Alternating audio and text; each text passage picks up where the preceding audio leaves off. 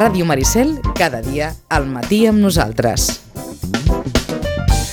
Bé, el, el que ve a continuació intentarà tancar tancar aquesta història que va començar fa molts mesos amb la convocatòria del concurs públic per la provisió de director gerent o director directora gerent del Consorci del Patrimoni.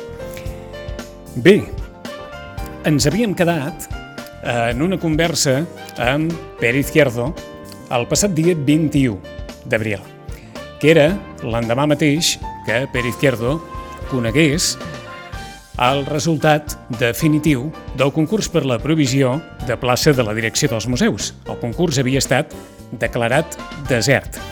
En aquells moments havia vingut a Sitges el diputat de Cultura de la Diputació de Barcelona, Joan Carles García Cañizares, per comunicar-li a l'alcaldessa Aurora Carbonell, el regidor de Cultura Xavier Salmerón i el propi Pere Izquierdo el resultat del concurs. En aquella conversa amb Pere Izquierdo, eh, Pere Izquierdo va assenyalar fonamentalment que no li havia vingut de nou el resultat de l'informe que es va encarregar a Vinyet Penyella i a Maria Dolors Portús per acabar de resoldre eh, el concurs i va apuntar fins i tot que quan va conèixer la presència de Vinyet Penyella al tribunal no li va estranyar perquè apuntava discrepàncies que va tenir en Penyella i fins i tot un, un punt, no sé si dir, d'animadversió, vaja, com a mínim d'una relació eh, força tensa.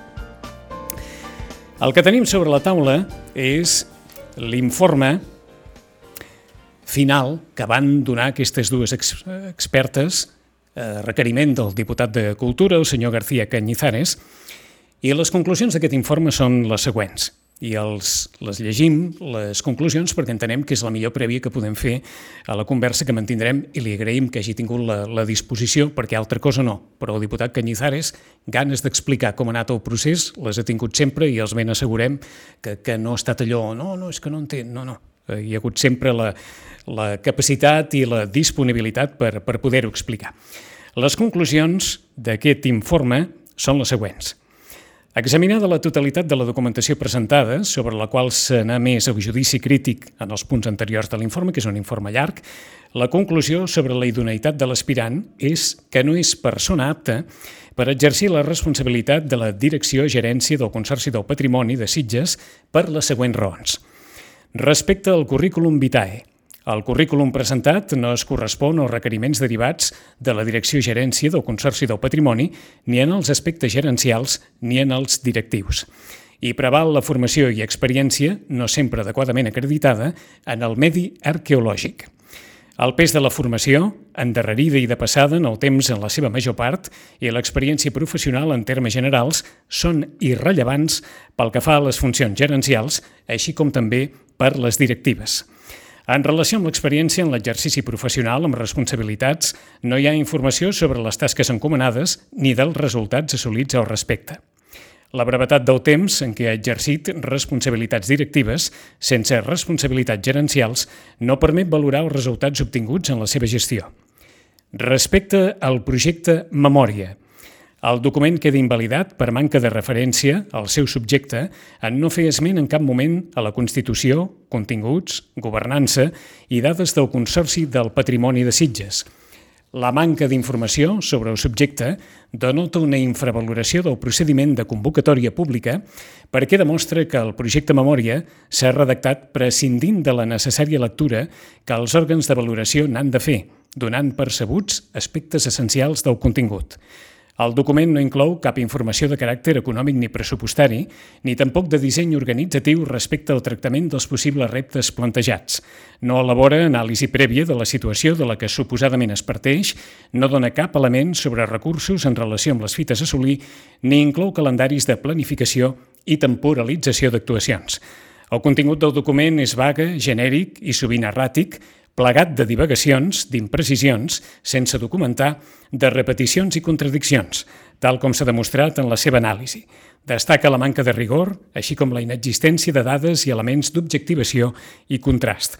Des d'un punt de vista formal, el llenguatge simple i col·loquial contradiu amb el llenguatge objectiu que s'espera d'un projecte memòria.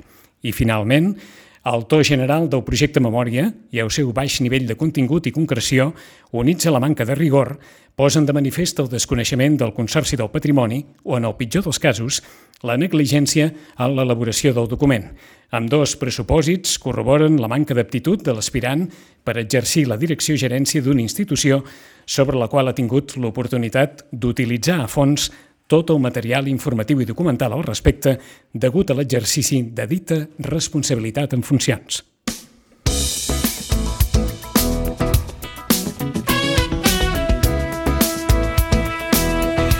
I això va arribar a la taula del diputat eh, Joan Carles García Cañizares, que evidentment havia de decidir alguna cosa que, d'alguna manera, aportés llum, finalment, aquest concurs públic per la provisió de la plaça de director gerent dels Museus de Sitges. Diputat García Cañizares, bon dia i bona hora. Molt bon dia. I, I gràcies de nou per, per aquesta predisposició sempre a poder explicar aquest... Eh, ens sembla que ja ho intuïm amb la darrera conversa, eh, això per, per vostè ha estat un mal de cap, eh? Ha estat una complicació, però fixeu-vos, el que volem nosaltres, el que vol el Consorci, el que vol la Diputació de Barcelona, és que els museus de Sitges tinguin un futur clar, evident i sobretot brillant. Creiem que és un equipament, són uns equipaments molt importants dins el que és la cultura i els museus arreu de Catalunya. Sovint he dit que és un dels museus més importants que tenim al sud, sud d'Europa i per tant estem buscant i cercant la millor direcció possible pel bé dels museus els propers anys. Per tant, sí que és un mal de cap, Uh, però sobretot el que ens preocupa i que si realment és un mal de cap és la necessitat de, de donar un impuls nou als museus de Sitges, al Consorci. Uh, començo per les conclusions d'aquest informe. Us, us van sorprendre en el sentit que són uh, conclusions molt categòriques en la seva exposició? No, aquestes qüestions no ens sorprenen. Diem-ne que estem esperant uns resultats que són aquests concrets, eh, podien ser aquests, podien ser uns altres, però no, sorprès eh, no ho estic. Diem-ne que al final estem acostumats a aquestes situacions. No és només el Consorci del Patrimoni de Sitges eh, el lloc on hem hagut d'impulsar doncs, l'elecció d'un director o directora, ho hem hagut de fer altres equipaments i sempre estàs a l'espera del que pugui sortir.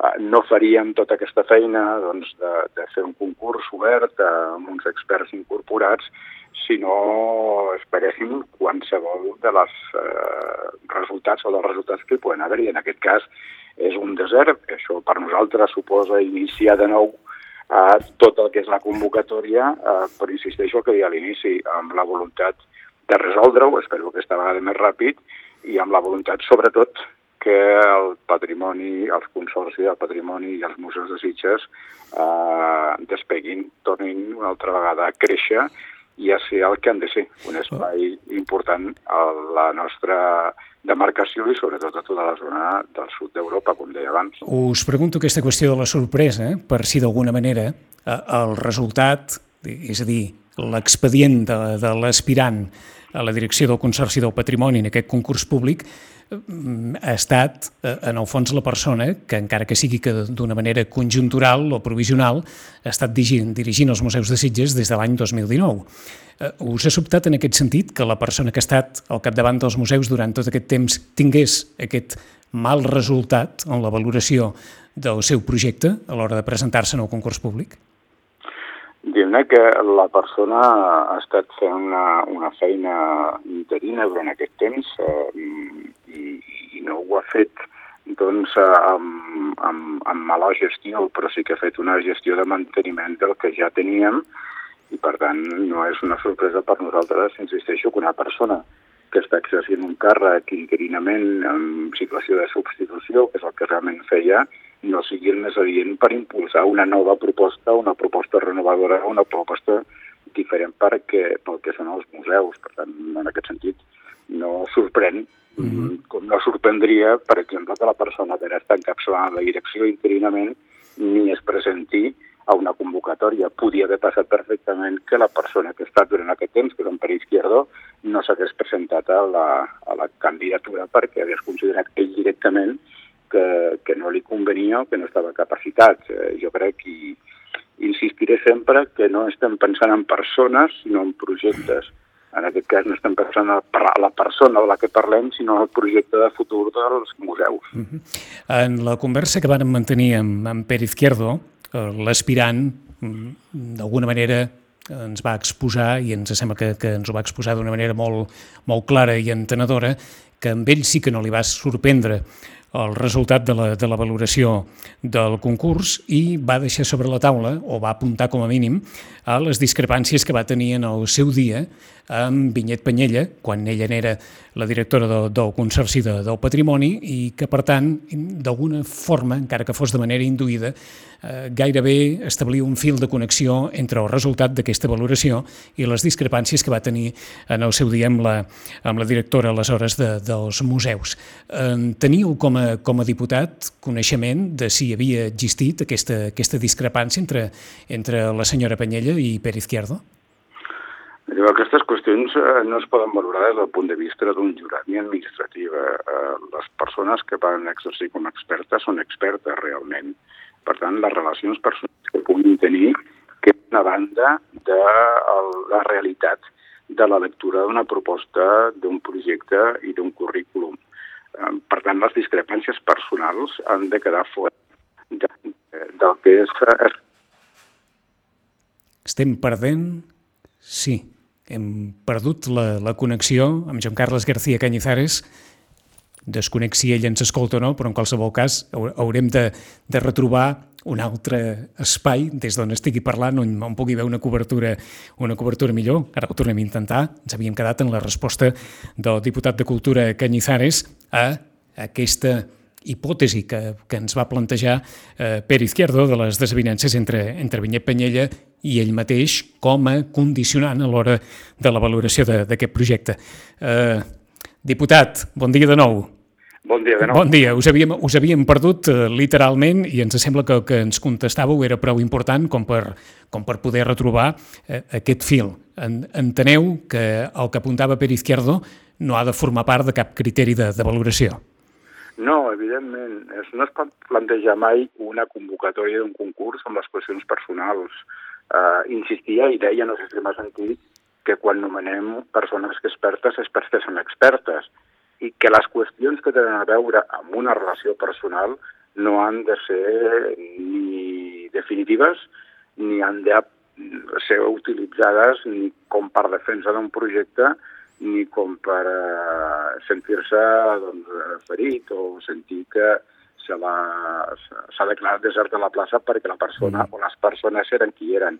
No té res a veure. Hem fet concursos, com us deia abans, altres consorcis, i aquestes eh, qüestions relacionades amb la relació personal doncs no existeixen, s'han de quedar és que és obligatori que es quedi a banda. Ah, nosaltres, nosaltres mai no hem valorat la persona que es presenta, sinó el projecte que es presenta, mm. tant nosaltres com les persones que han actuat com a expertes. Uh, per tant, el que ve ara és una pregunta absolutament retòrica, a partir del que, del que ens heu dit, poseu les dues mans al foc per les conclusions d'aquest informe, redactat en aquest cas per Vinyet Penyelli i per Maria Dolors Portús.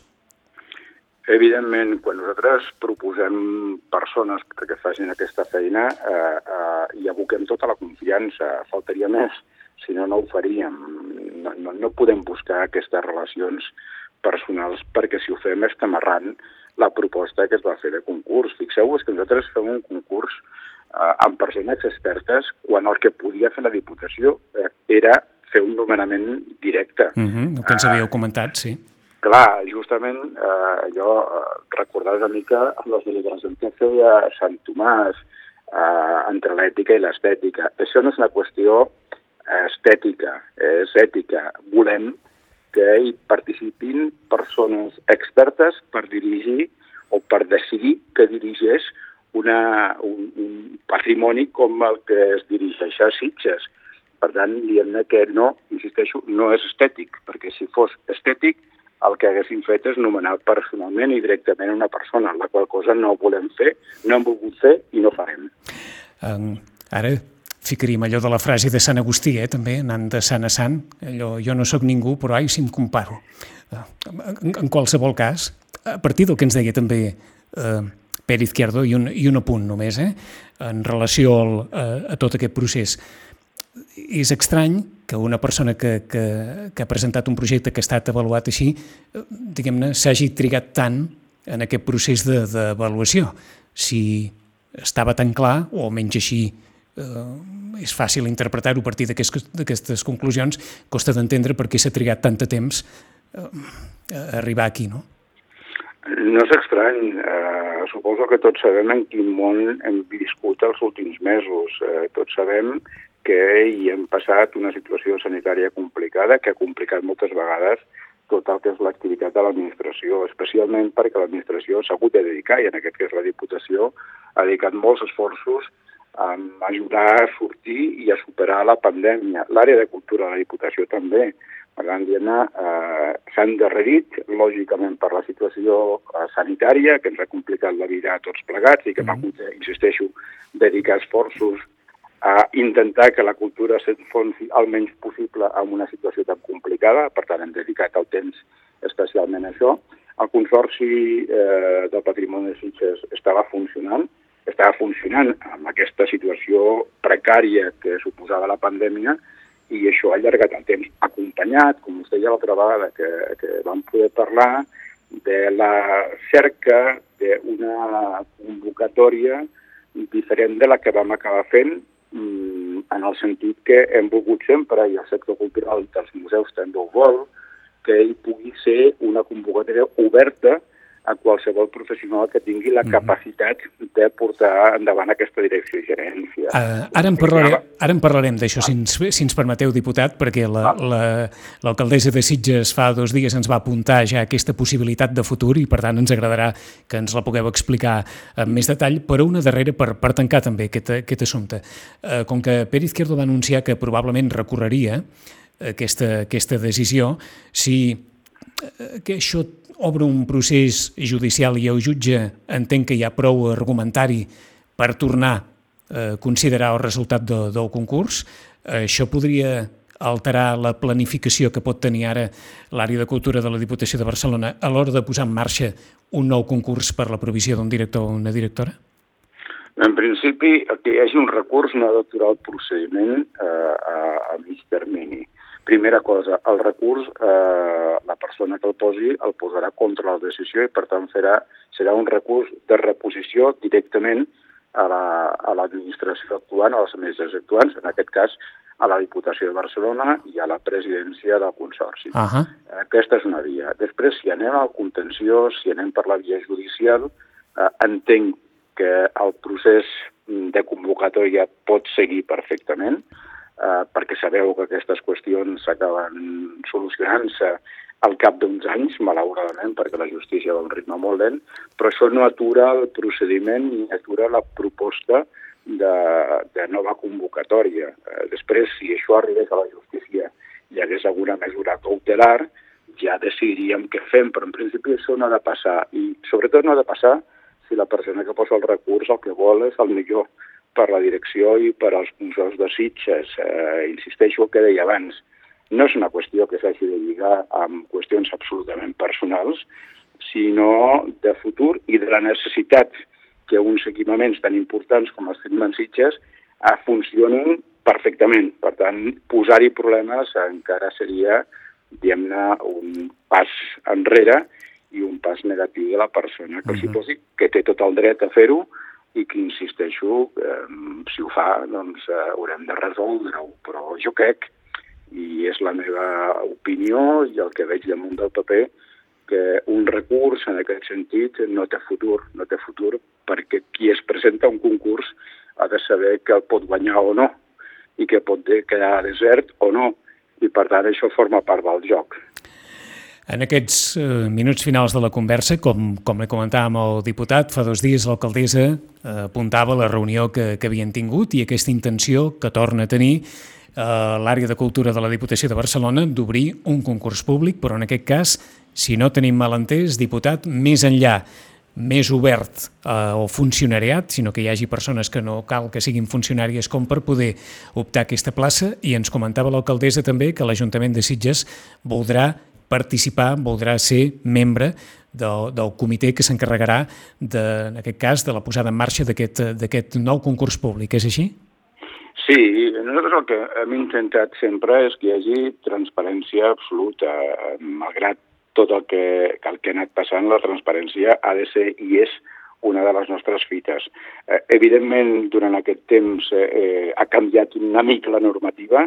Ara, des de la Secretaria General de la Diputació, ja ens proposen passar-nos algunes novetats eh, legislatives que puguen fer un concurs obert, que no hagin de ser funcionaris de carrera de qualsevol administració els candidats o candidates, sinó que pugui, ser obert a qualsevol, com deia abans, qualsevol persona que tingui la capacitat de dirigir als museus de Sitges. Per tant, i estem en aquest sentit.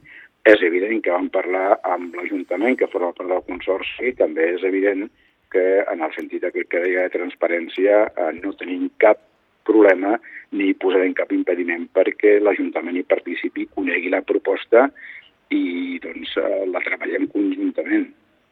Hem d'entendre que tot això hauria d'estar resolt abans de les eleccions de l'any que ve? Sí, sí, sí, això ha d'estar resolt aquest any.